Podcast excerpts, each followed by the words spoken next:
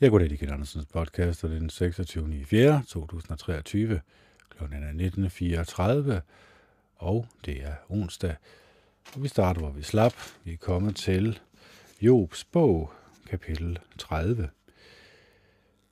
Nu er jeg til grin, for mænd, der er yngre end mig, for dem, hvis fader jeg ikke engang vil betro at passe mine hyrdehunde. Til hvad nytte har disse menneskers styrke været for mig? Deres kræfter er forsvundet. De er udmattet på grund af sult og mangel. De afgnaver den svedende jord, som i forvejen var gold og øde. De plukker de salte blade af buskene. De lever af gyvelbuskens rødder. De bliver udstødt af samfundet. Man råber efter dem som efter en tyv. De bor på stejle bjergskråninger, jordhuler og klippehuler. Mellem buskene sidder de og råber. De klynger sig til hinanden mellem nællerne som børn af udulige og navnløse fædre er de blevet fordrevet fra landet. Men nu håner de mig endda i deres sange. Jeg er blevet en, de går nar af. De afskyer mig og holder sig på afstand af mig. De er ikke bange for at spytte mig i ansigtet.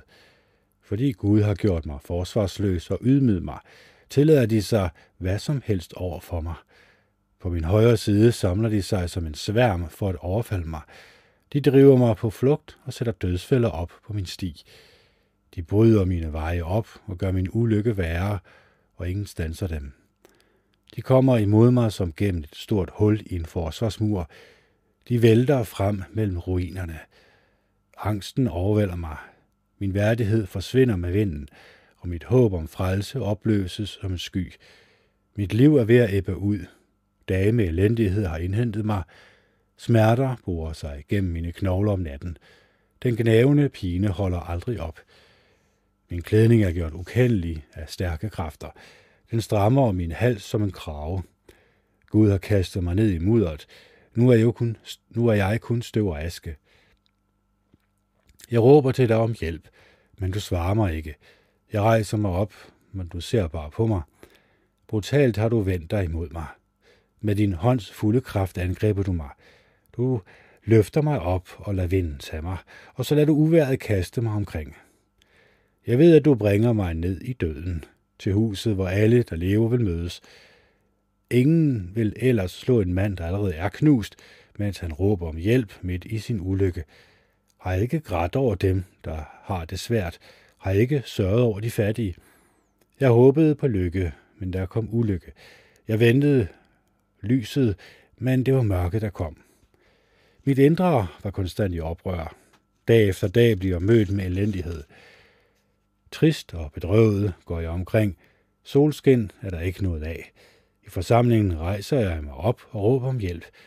Jeg er blevet bror til chakaler og deler vilkår med strussenes døtre. Min hud er blevet sort og falder af. Mine knogler brænder af hede. Min harpe spiller kun sørgelige toner, og min fløjte spiller kun til gråd. Kapitel 31 Jeg har indgået en aftale med mine øjne, så hvordan skulle jeg kunne vise en jomfru upassende opmærksomhed? Hvis jeg gjorde det, hvilken andel vil Gud i det høje så give mig? Hvilken arv vil jeg få fra den almægtige i det højeste? Vil sønderen ikke blive ramt af ulykke? Og er der ikke katastrofer, der venter dem, der gør det onde? Siger Gud ikke alt, hvad jeg gør? Og tæller han ikke alle mine skridt?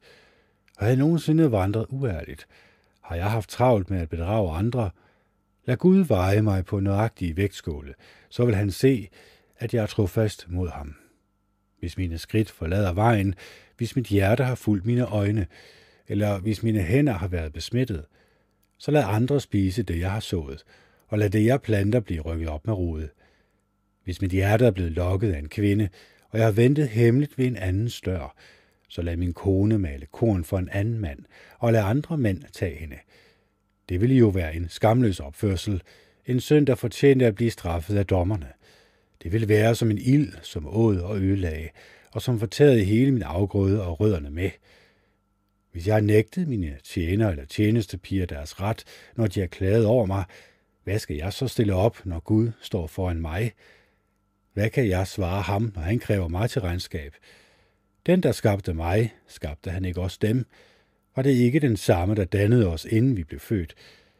Hvis jeg har nægtet de fattige det, de ønskede, eller slukket lyset i enkens øjne, hvis jeg har spist min mad alene, uden at dele den med de faderløse. Fra jeg var ung, er den faderløse jo vokset op hos mig, og jeg har været som en far for ham. Og fra jeg var barn, og fra jeg, og fra jeg var barn, har jeg taget mig af enken. Hvis jeg passivt har set på, at en var ved at dø af kulde, fordi han manglede tøj, eller at en fattig mand ikke havde noget at tage om sig, hvis han ikke kunne takke mig, for at jeg havde givet ham uld fra mine får, så han kunne varme sig, hvis jeg har troet den forsvar, hvis jeg har troet den for, forældreløse med mine knyttede næve, når han har brug for min hjælp i byens port, så lad min arm falde af ved skulderen, lad min arm blive brækket ved albuen. Jeg har jo altid frygtet Guds straf, og jeg ville aldrig kunne stå op imod hans majestæt, hvis jeg har stålet på guld og sagt til det fine guld, du er min sikkerhed. Hvis det var min store rigdom, der var min glæde, og jeg nød de mange ejendele, jeg skaffede mig. Hvis jeg beundrede den skinnende sol, eller månen, der bevægede sig i al sin pragt, og mit hjerte i hemmelighed lå så lokke af dem, og jeg satte dem fingerkyst for at tilbede dem, så ville det være en synd, jeg burde straffes for ved en domstol. Jeg ville have fornægtet Gud i det høje. Har jeg nogensinde frydet mig over en fjendes ulykke, eller hoveret over, at det gik ham dårligt? Jeg har aldrig tilladt min mund at synde ved at forbande min fjende og ønske ham død. Men i min telt, mændene i mit telt siger, I finder ingen, som han ikke har givet rigeligt med mad at spise. Ingen fremmed har måttet tilbringe natten uden for mit hus. Jeg har slået dørene op for den rejsende, har jeg nogensinde prøvet at dække over mine fejl, ligesom andre gør, ved at gemme dem væk i mine lommer? Har jeg været nervøs for, hvordan flertallet ville reagere? Har jeg været nervøs for, hvordan flertallet ville reagere? Eller har jeg frygtet, at andre familier ville se ned på mig, så jeg har tid stillet og været bange for at gå udendørs? Bare nogen ville høre på mig. Jeg er parat til at skrive under på det, jeg har sagt. Lad den almægtige svare mig hvis bare min modstander havde skrevet sine anklager ned i et dokument. Så ville jeg bære det på mine skuldre og binde det om mit hoved som en krone. For hver skridt jeg tog, ville jeg aflægge regnskab for ham. Jeg ville træde frem for ham med en fyrstes selvtillid. Hvis min jord har skrejet over mig, og dens plovfuger alle sammen har grædt, hvis jeg har spist dens afgrøde uden at betale for den, eller jeg har gjort dens ejermænd fortvivlede, så lad marken give mig tornede planter i stedet for hvede, og stinkende ukrudt i stedet for byg. Her slutter Jobs ord. Kapitel 32 Så holdt de tre mænd op med at svare Job, for han var overbevist om, at han selv var retfærdig. Men Elihu, der var søn af Busitten, var Rakels Arams slægt, var blevet meget vred. Han var blevet vred, fordi Job prøvede at bevise, at han selv og ikke Gud var retfærdig. Han var også meget vred på Jobs tre venner, fordi de ikke havde fundet noget passende svar, men havde beskyldt Gud for at være ond. Elihu havde ventet med at svare Job, fordi de andre var ældre end ham selv. Men da Elihu så, at de tre mænd ikke kunne komme med noget svar, kunne han ikke længere holde sin vrede tilbage. Derfor tog Elihu, der var søn af Busitten, Barakel, ordet og sagde – jeg er ung, og I er oppe i årene. Af respekt for jer holdt jeg mig tilbage, og vågede ikke at fortælle, hvad jeg ved. Jeg tænkte, lad alderdommen tale, og lad de mange år forkynde visdom. Men det, der giver mennesker indsigt, er jo den ånd, der er i dem. Den almægtiges ånde. Alderen alene gør ikke folk kloge, og det er heller ikke kun gamle mænd, der forstår, hvad der er rigtigt. Derfor siger jeg, hør nu på mig, så vil jeg fortælle jer, hvad jeg ved. Jeg ventede på det, I havde at sige. Jeg lyttede til jeres tanker og meninger, mens I famlede efter svar. Jeg lyttede godt efter, men ingen af jer kunne bevise, at det Job sagde var forkert, eller gendrive hans argumenter. Sig nu ikke, vi har fundet visdom. Det er Gud, ikke et menneske, der sætter ham på plads. Nu er det jo ikke mig, Job har rettet sine ord imod, og jeg vil heller ikke svare ham på samme måde, som I gjorde. I har mistet modet. Jeg har ikke flere svar, Jeres ord er sluppet op. Jeg har ventet, men I siger ikke mere. I står bare der og har ikke flere svar. Men nu vil jeg give jer et svar. Også jeg vil fortælle, hvad jeg ved.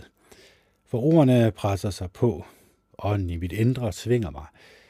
Mit indre er som gærende vin, der er lukket inde, som nye vinsække, der er ved at springes. Lad mig tale, så jeg kan få luft. Jeg vil lukke munden op og svare. Jeg vil ikke tage parti for nogen.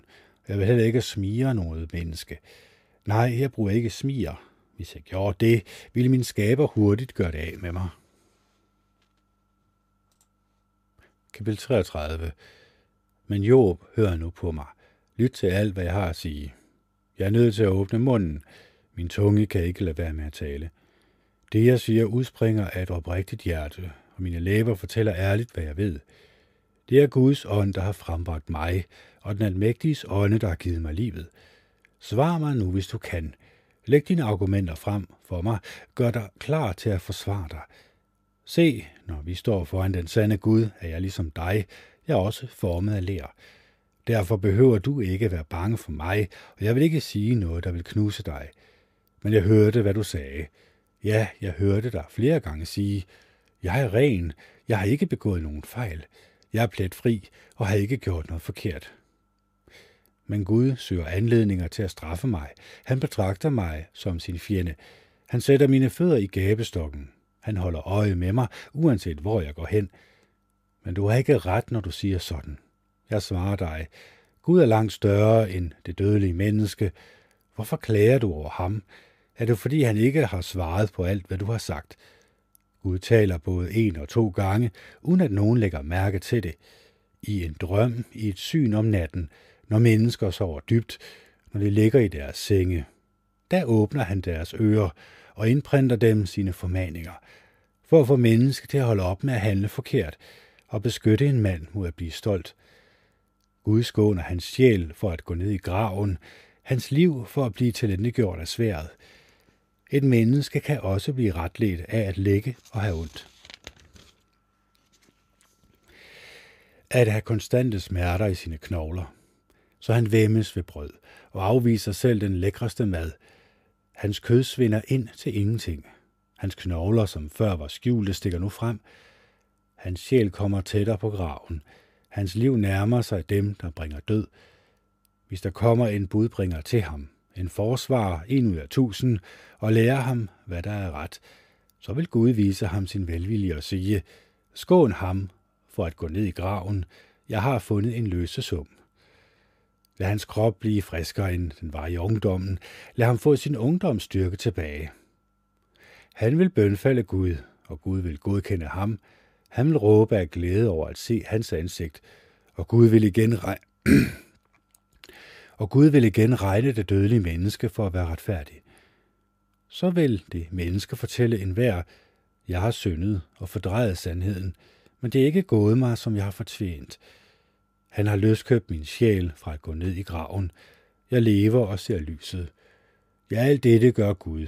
To gange, tre gange for et menneske, for at hente ham tilbage fra graven, så han kan blive oplyst med livets lys. Job, lyt opmærksom. Hør på mig. Vær stille, for jeg har mere at sige. Hvis du har noget at sige, så svar mig. Tal, for jeg ser gerne, du får ret.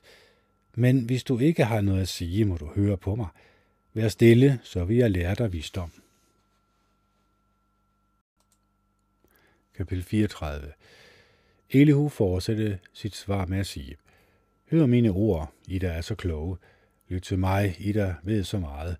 For øret prøver ordene, ligesom tungen smager på maden. Lad os sammen vurdere, hvad der er rigtigt. Lad os blive enige om, hvad der er godt. Job har altså sagt, jeg har ret, men Gud har nægtet at behandle mig retfærdigt. Skulle jeg lyve om, hvilken dom jeg har fortjent?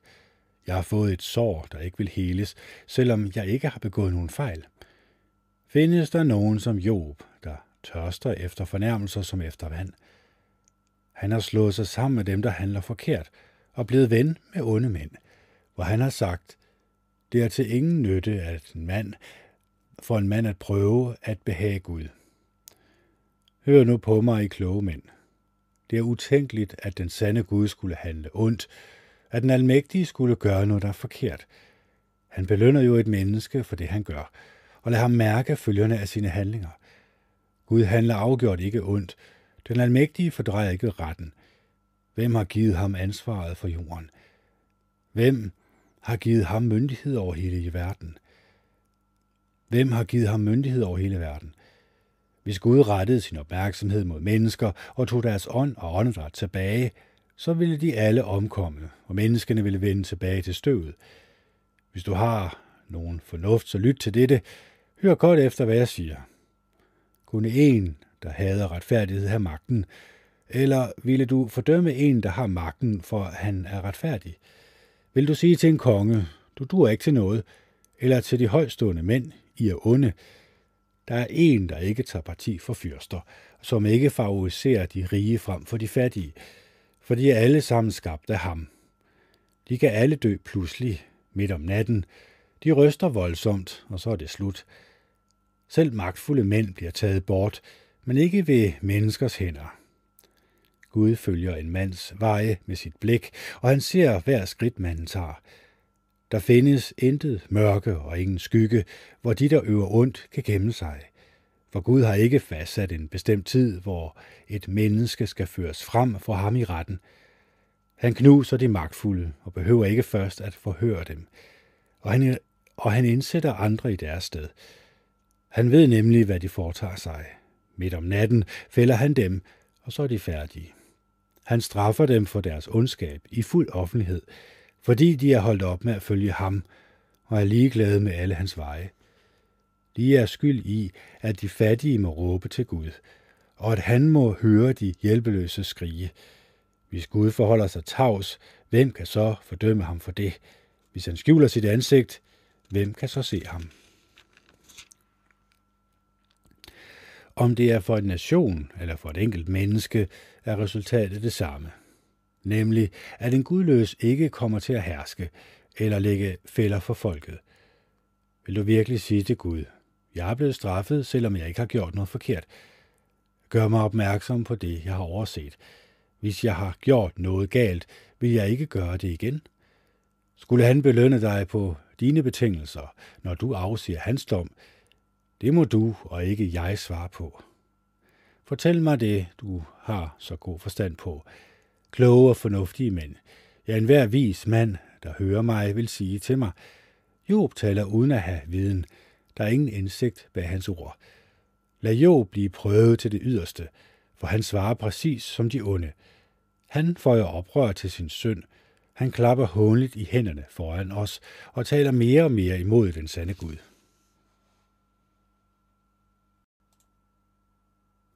Kapitel 35 Og Elihu fortsatte sit svar. Er du så overbevist om, at du har ret, at du vil sige, jeg er mere retfærdig end Gud? Du siger jo, gør det nogen forskel for dig? Er jeg bedre stillet nu, end hvis jeg havde syndet? Jeg vil svare dig og samtidig svare dine venner. Kig op på himlen og læg mærke til skyerne, der er så højt oppe over dig. Hvis du synder, skader du så Gud. Hvis du endda begår mange fejl, går det så ud over ham. Hvis du er retfærdig, hvad giver du ham så? Hvad modtager han fra dig? Din ondskab går kun ud over et andet menneske, og din retfærdighed gavner kun en menneskesøn. Folk klager højlydt, når de bliver groft undertrykt. De råber om udfrielse, når de magtfulde holder dem nede. Men ingen siger, hvor er Gud, min store skaber, han, der får mennesker til at lovsynge ham om natten. Det er også han underviser, snarere end dyrene på jorden. Han gør os klogere end himlenes fugle. Mennesker råber, men han svarer ikke, for de er onde og stolte. Nej, et råb, der er hult, hører Gud ikke. Den almægtige lytter ikke til det. Langt mindre vil Gud, der hører på dig, når du klager over, at du ikke ser ham. Din sag er forelagt ham, så nu kan du kun vente spændt på ham. Han har ikke i vrede krævet dig til regnskab, og han har heller ikke hæftet sig ved alt det, du har sagt, uden at tænke dig om. Job åbner munden med tomme ord. Han taler mere og mere, men uden indsigt. Kapitel 36 Elihu sagde videre, Vær tålmodig med mig, mens jeg forklarer lidt mere, for jeg har stadig noget at sige til fordel for Gud. Jeg vil tale i detaljer om de ting, jeg ved, jeg vil slå fast, at min skaber er retfærdig. Det, jeg siger, er sandt. Det er ord fra ham, der er fuldkommen i kundskab. Guds magt er stor, og han afviser ikke nogen. Hans indsigt er uden grænser. Han vil ikke lade de onde leve, men de hjælpeløse skaffer han deres ret. Han slipper ikke de retfærdige af syne. Han indsætter dem som konger og ophøjer dem for evigt. Men hvis de bliver lagt i lænker og fanget i nødens ræb, så fortæller han dem, hvad de har gjort forkert, hvilke overtrædelser de har begået i deres stolthed. Han åbner deres ører for retledning og befaler, at de skal holde op med at handle ondt. Hvis de adlyder ham og tjener ham, vil de leve resten af deres dage i velstand, og de vil få gode leveår. Men hvis de ikke adlyder, vil de blive ramt af sværet. De vil dø uden at have lært noget. De, der har et gudløst hjerte, er fulde af bitre følelser. Selv når han binder dem, beder de ikke om hjælp. De vil dø, mens de endnu er unge. De vil ende deres liv blandt mandlige tempelprostituerede. Men Gud vil redde de hjælpeløse i deres nød. Når de bliver undertrykt, vil han åbne deres ører, så de hører ham. Han vil trække sig væk fra fortvivlelsens rand, hen til et sted, hvor der er rigelig plads, hvor der er frit omkring dig, og hvor du trøstes af udsøgte retter på dit bord. Så vil du kunne glæde dig over den dom, der rammer de onde, når der afsiges dom og retten bliver håndhævet. Men pas på, at vreden ikke får dig til at optræde hånligt, og lad ikke store bestikkelser føre dig på afveje. Ville dit råb om hjælp, eller nogen som helst kraftanstrengelse kunne redde dig for ulykke, du skal ikke længes efter natten hvor mennesker forsvinder fra deres sted. Pas på, at du ikke slår ind på en ond kurs og vælger den frem for lidelser. Se, hvor ophøjet Gud er i sin magt, hvilken lærer er som ham. Hvem har bestemt, hvilken vej han skal gå, eller sagt til ham, det du har gjort er forkert. Glem ikke at lovprise alt det, han gør, det som mennesker har sunget sange om. Hele menneskeheden har set det. Dødelige mennesker beundrer det på afstand. Ja, Gud er større, end vi kan forestille os. Antallet af hans år kan ikke udforskes. Han trækker vanddråberne op. Hans tåge for tætte som regn. Skyerne lader regnen strømme ned. De lader den skylle ned over menneskene. Kan nogen fatte skylaget, forklarer tordenen for hans telt. Se, hvordan han lader lynet fare hen over skyerne og dækker havets dybder med vand. Sådan holder han folkeslag i live og giver dem rigeligt med mad – med sine hænder skærmer han for lynet, og han retter det mod det mål. Hans torden fortæller om ham. Selv kvædet ved, hvem der er på vej. Kapitel 37 Dette får mit hjerte til at hamre og galopere afsted. Lyt opmærksom til Guds stemmes bulren. den torden, der kommer fra hans mund – han slipper den løs under hele himlen, og han sender sine lyd ud til jordens ender. Så lyder der et brag. Han tordner med sin majestætiske stemme, og han holder ikke lynet tilbage, når hans stemme høres. Når det tordner, lyder Guds stemme forunderligt. Han gør store ting, som overgår vores forstand. Til sneen siger han, dal ned på jorden, og til regnen fald ned i stridestrømme. Gud sætter alle menneskers aktiviteter i stå, så de dødelige mennesker lærer, hvad han har, hvad han kan gøre. De vilde dyr går ind i deres huler og bliver i deres skjul. Stormen bryder ud af sit kammer, og vinden fra nord bringer kulde med sig. Med sin ånde skaber Gud isen, og det åbne vand fryser til. Ja, han gør skyerne tunge af hvede. Han spreder sine lyn i skyerne. Tordenskyerne bevæger sig derhen, hvor han vil have dem. De udretter præcis det, han ønskede på den beboede jord. Om det er for at straffe, for at gavne jorden, eller for at vise lojal kærlighed, så får han det til at ske. Vær opmærksom på dette Job. Stands op og tænk grundigt over Guds underfulde gerninger. Ved du, hvordan Gud styrer skyerne, og hvordan han får lynene til at glimte fra dem? Ved du, hvordan skyerne holder sig svævende? Alt dette er underværker udført af ham, som er fuldkommen i kundskab. Hvorfor føles dit tøjt varmt, når vinden fra syd lægger alting stille? Kan du brede himlen ud, så den bliver som et spejl af metal, sådan som han har gjort? Fortæl os, hvad vi skal sige til ham. Vi kan ikke svare, for vi er i mørke. Skal han have at vide, at jeg gerne fortæller ham noget? Har nogen sagt øh, noget, man burde meddele ham? Mennesker kan ikke se lyset, selvom det stråler klart på himlen, før vinden kommer og blæser skyerne væk. Fra nord kommer et gyldent lys. Guds værdighed er ærefrygtindgydende. Det er umuligt for os fuldt ud at forstå den almægtige. Hans magt er stor, og han slækker aldrig på sine retsnormer og sin store retfærdighed. Derfor bør mennesker frygte ham, for han godkender ikke dem, der er kloge i egne tanker. Kapitel 38 Så svarede Jehova Job ud fra stormværet. Hvem tilsøler det, der er min vilje, og taler uden viden? Tag mod til dig, vis dig som en mand. Jeg vil stille dig spørgsmål, og så kan du give mig besked. Hvor var du, da jeg grundlagde jorden? Fortæl mig det, hvis du mener, du har indsigt. Hvem bestemte dens mål? Ved du det? Eller hvem spændte en målesnor ud over den? Hvad blev den sokler sat ned i? Og hvem lagde dens hjørnesten? Mens morgenstjernerne sammen råbte af glæde, og alle gudsønderne brød ud i begejstret bifald. Og hvem spærrede for havet med porte?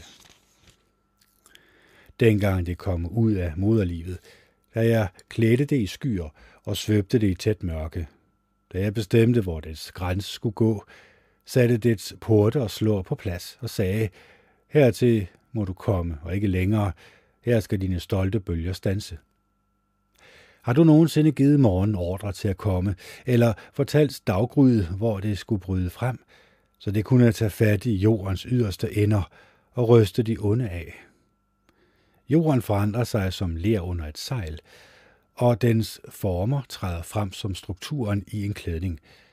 Men de ondes lys tages fra dem, og deres løftede arm bliver brækket.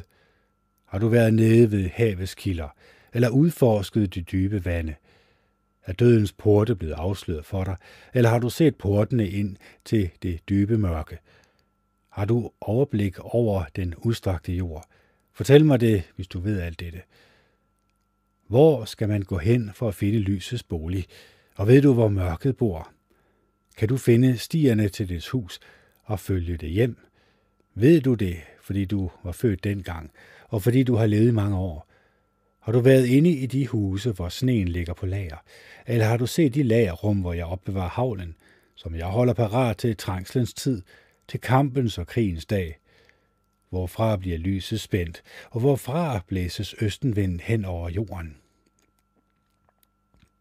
Hvem har dannet en kanal til styrtregnen og banet en sti til tordenskyen, for at lade regnen falde der, hvor ingen bor, i en ødemark uden mennesker, hvor mætte de golde ørkner og få græsset til at spire. Har regnen en far, og dugdråberne, hvem er far til dem?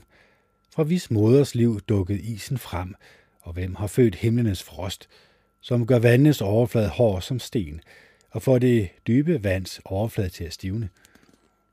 Kan du binde stjernebilledet Kima sammen med ræb, eller løse stjernebilledet Keshelsbånd? Kan du føre et stjernebillede frem til tiden, eller kan du lede stjernebilledet As og det sønder? Kender du de love, der styrer himmelemmerne, og kan du bestemme, hvordan de virker på jorden? Kan du råbe helt op til skyerne og få regnen til at vælge ned over dig? Kan du sende lynen afsted? Vil de møde op og sige til dig, her er vi, Hvem lagde visdom i skyerne og gav himmelfænomenet forstand? Hvem er klog nok til at tælle skyerne, og hvem kan vælte himlenes vandkrukker, så støvet bliver til flydende mudder, og jorden hænger sammen i klumper? Kan du jage bytte til en løve, eller mætte løveunger, når de kryber sammen i deres huler, eller ligger på lur i deres skjul? Hvem sørger for mad til ravnen, når dens unger skriger til Gud om hjælp og flakser omkring, fordi der ikke er noget at spise? Kapitel 39 Ved du, hvornår stenbukkene føder? Har du set en hjort føde sine kid? Tæller du månederne, hvor de er drægtige? Kender du det tidspunkt, hvor de føder? De krymmer sig sammen, når de føder, og så er deres fødselsvær overstået. Deres unger bliver stærke, mens de vokser op i det åbne land. Så løber de væk og kommer ikke tilbage. Hvem har sat vildæslet fri? Hvem har løst det vilde æslets bånd? Jeg har givet det ørkensletten som bolig, og saltland som bolig. Jeg har givet det ørkensletten som hjem, og saltland som bolig. Det lærer af byen og dens larm. Det ignorerer æselstriverens råb. Det strejfer omkring i bjergene og søger efter steder at græsse. Det leder efter hver eneste grønne plante. Er vildoksen villig til at tjene dig? Må den vil overnatte i dit stald? Kan du binde en vildokse med ræb og få den til at pløje for dig? Vil den følge efter dig ned i dalen for at have? Vil du stole på dens mange kræfter og lade den gøre dit hårde arbejde? Vil du betro den at bringe din høst hjem? Vil den komme hen til din tærskeplads med kornet? Strusen basker glad med sine vinger, men kan dens fjerdragt og svingfjer måle sig med storkens? Den efterlader sine æg på jorden og holder dem varme i støvet. Den glemmer, at en fod kan knuse dem, og at et vildt dyr kan træde på dem. Den er hård ved sine unger, som om de ikke var dens egne. Den er ikke bange for, at dens slid skal være forgæves, for Gud har holdt visdommen tilbage fra den, har ikke givet den nogen forstand. Men når den rejser sig op og basker med vingerne, lærer den af hesten og dens rytter. Er det dig, der giver hesten den styrke? Klæder du dens hals med en brusende manke? Kan du få den til at springe som en græshoppe? Den stolte prusen spreder skræk. I dalen står den triumferende og stamper jorden. Den stormer ud i kampen. Den lærer af frygt og er ikke bange for noget. Den vender ikke om på grund af sværet. Pilekokker rasler imod den. Spydet og kasterspydet glimter. Dierne af spænding bruser den frem. Den kan ikke stå stille, når hornet lyder. Når det bliver blæst i hornet, vrinsker den ivrigt, ja, den lugter kampen på lang afstand. Hører herførernes brøl og krigsråbet. Er det din forstand, der får falken til at svæve, til at brede sine vinger ud mod syd, eller er det på din ordre, at ørnen flyver opad og bygger sin rede højt oppe? Den tilbringer natten på en tinde, bor i sin fæstning oppe på en stejl klippe. Derfra søger den efter føde. Dens øjne spejder vidt omkring. Dens unger næver blodet i sig, og hvor der er døde kroppe, der er den. Kapitel 40 Jehova fortsætter sit svar til Job. Bør en, der leder efter fejl, argumentere med den almægtige. Lad den, der vil belære Gud, komme med et svar. Job svarede så Jehova og sagde, Det er jeg slet ikke værdig til.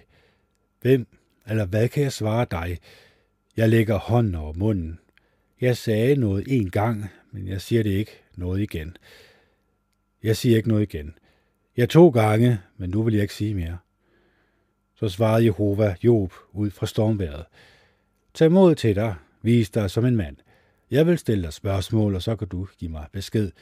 Tvivler du på, at jeg handler retfærdigt? Vil du dømme mig skyldig, for at du selv kan få ret? Er din arm lige så stærk som den sande Guds, og kan din stemme tordne som hans?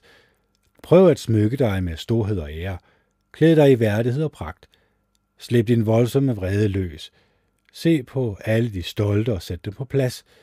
Se på alle de stolte og ydmyg dem, og træd de onde ned på stedet. Gem dem alle i jorden. Bind dem på det skjulte sted. Hvis du har det, hvis du kan det, så vil jeg give dig ret i, at du har magt til at redde dig selv. Men tænk gang på Behemoth, som jeg skabte, ligesom jeg skabte dig. Den spiser græs ligesom oksen. Se kraften i dens hofter og der styrkerne i dens bumuskler. Den kan gøre sin hale stiv som et cedertræ. Lårene senere er vævet sammen. Dens knogler er kov og rør. Dens lemmer er som stolper af smedjern. Den er et af Guds mesterværker. Kun den skaber kan nærme sig den med sit svær. Bjergene frembringer føde til den. Der leger alle de vilde dyr. Den lægger sig under lotustræerne, i ly af sumpens kæmpe rør. Lotustræerne kaster deres skygge på den, og poplerne i dalen omgiver den. Selv hvis floden er i oprør, går den ikke i panik. Den er tryg, selvom Jordanfloden bruser mod den skab. Kan en mand fange den, hvis den først har fået øje på ham?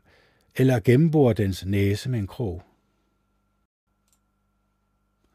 Kapitel 41 Kan du fange livjatan med en fiskekrog, eller bænge et ræb om den skab? Kan du trække et ræb gennem dens næsebor, eller bore en krog gennem dens kæber? Vil den trylle dig om skåne dig? Vil den trylle dig om at skåne den? Vil den tale blive til dig? Vil den indgå en aftale med dig om, at du gerne må holde den som slave resten af livet? Vil du lege med den som med en fugl, eller holde den i snor til dine små piger? Vil handelsfolk købslå om den og dele stykker af den ud til købmænd. Vil du gennembore dens skin med mange harpuner, dens hoved med fiskespyd. Læg din hånd på den. Du vil huske kampen og aldrig gøre det igen. Et hvert håb om at tæmme den er forgæves. Bare synet af den vil få dig til at give op. Ingen tør tiger den, så hvem skulle kunne klare sig imod mig? Hvem har givet mig noget først, så jeg skulle betale ham tilbage? Alt, hvad der er under himlen, er mit. Jeg vil ikke tige stille om dens lemmer, om dens styrke og dens velskabte krop. Hvem kan flå pansret af den? Hvem vil gå ind i dens åbne gab? Hvem kan svinge dens mund større op? Tænderne, som ses hele vejen rundt, er frygtindgydende. På ryggen har den række af skæld. De sidder sammen tæt forsejlet. sejlet. De slutter så tæt, at der ikke kan komme luft ind imellem dem. De sidder fast i hinanden, hænger sammen og kan umuligt skilles ad. Dens fnysen udsender lynsk, lysglimt, og dens øjne er som daggrydets stråler. Lynglimt kommer ud af dens mund. Der står gnister ud af den. Røg står ud af dens næsebor, som fra en ovn, der er tændt op med siv. Dens ånde sætter kul i brand, og en flamme står ud af dens mund.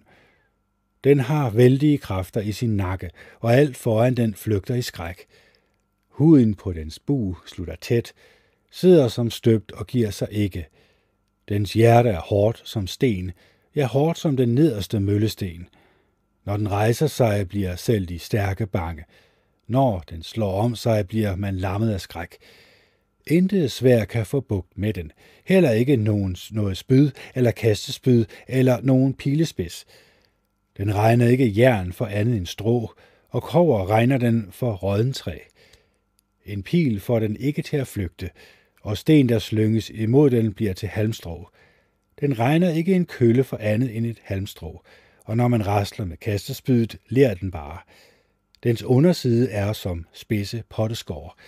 Den trækker sig igennem mudderet som tærskeslæde. Den får det dybe vand til at koge som en gryde. Den pisker det op, som når man pisker salve i en krukke. Dens kølvand er en lysende sti. Det ser ud, som om dybet har fået hvidt hår. Der er intet som den på jorden. Et dyr, der er skabt til ikke at føle frygt. Alt, hvad der er hovmodigt, tør den se i øjnene. Den er konge over alle de majestætiske vilde dyr. Kapitel 42 Så svarede Job Jehova, nu ved jeg, at du kan gøre alt, og at det, som du sætter dig for, er umuligt for dig. Du sagde, hvem er det, der tilslører min vilje og taler uden viden? Ja, jeg talte, men uden at have forstået de ting, der er for underfulde for mig, ting jeg ikke ved noget om. Du sagde, hør nu, mens jeg taler. Jeg vil stille dig spørgsmål, og så kan du give mig besked. Mine ører har hørt om dig, men nu ser jeg dig med mine øjne. Derfor trækker jeg mine ord tilbage og angrer i støv og aske. Efter at Jehova nu havde talt til Job, sagde Jehova til, til manitten Elifas, Jeg er meget vred på dig og dine to venner, for I har ikke sagt sandheden om mig, sådan som min tjener Job har. Tag nu syv tyre og syv vædre, og gå hen til min tjener Job, og bring et brandoffer for jer selv. Min tjener Job vil så bede for jer, og jeg vil lytte, når han øh, beder mig om ikke at gengælde jer for jeres tåbelighed, for I har ikke sagt sandheden om mig, sådan som min tjener Job har. Så gik Temanitten, Elifas, Shohitten, Bildad og Namatitten Sofar hen og gjorde det, Jehova havde givet dem besked på. Og Jehova lyttede til Jobs bøn. Efter at Job havde bedt for sine venner, befriede Jehova Job for alle hans lidelser og gav ham hans velstand tilbage. Jehova gav ham det dobbelte af det, han havde før. Alle hans brødre og søstre og alle hans tidligere venner kom nu og besøgte ham og spiste et måltid sammen med ham i hans hjem. De viste ham deres deltagelse og trøstede ham efter al den ulykke, som Jehova havde tilladt, at han blev ramt af. Hver af dem gav ham et pengestykke og en guldring. Jehova velsignede den sidste del af Jobs liv mere end den første del, og Job fik efterhånden 14.000 får, 6.000 kameler, 2.000 okser og 1.000 æselhopper. Han fik også syv sønner og tre døtre til. Den første datter kaldte han Jemima, den anden Kesia, og den tredje Kirin Hapuk. Ingen kvinder i hele landet var lige så smukke som Jos døtre, og deres far lod dem arve på lige fod med deres brødre. Efter dette levede Job i 140 år, og han fik sine børn og børnebørn at se, ja fire slægter. Så døde Job efter et langt og godt liv. Så det er det Ken Andersen sign off. Det er den 26. i 4. 2023. Klokken er 20.28, og det er onsdag. Hej.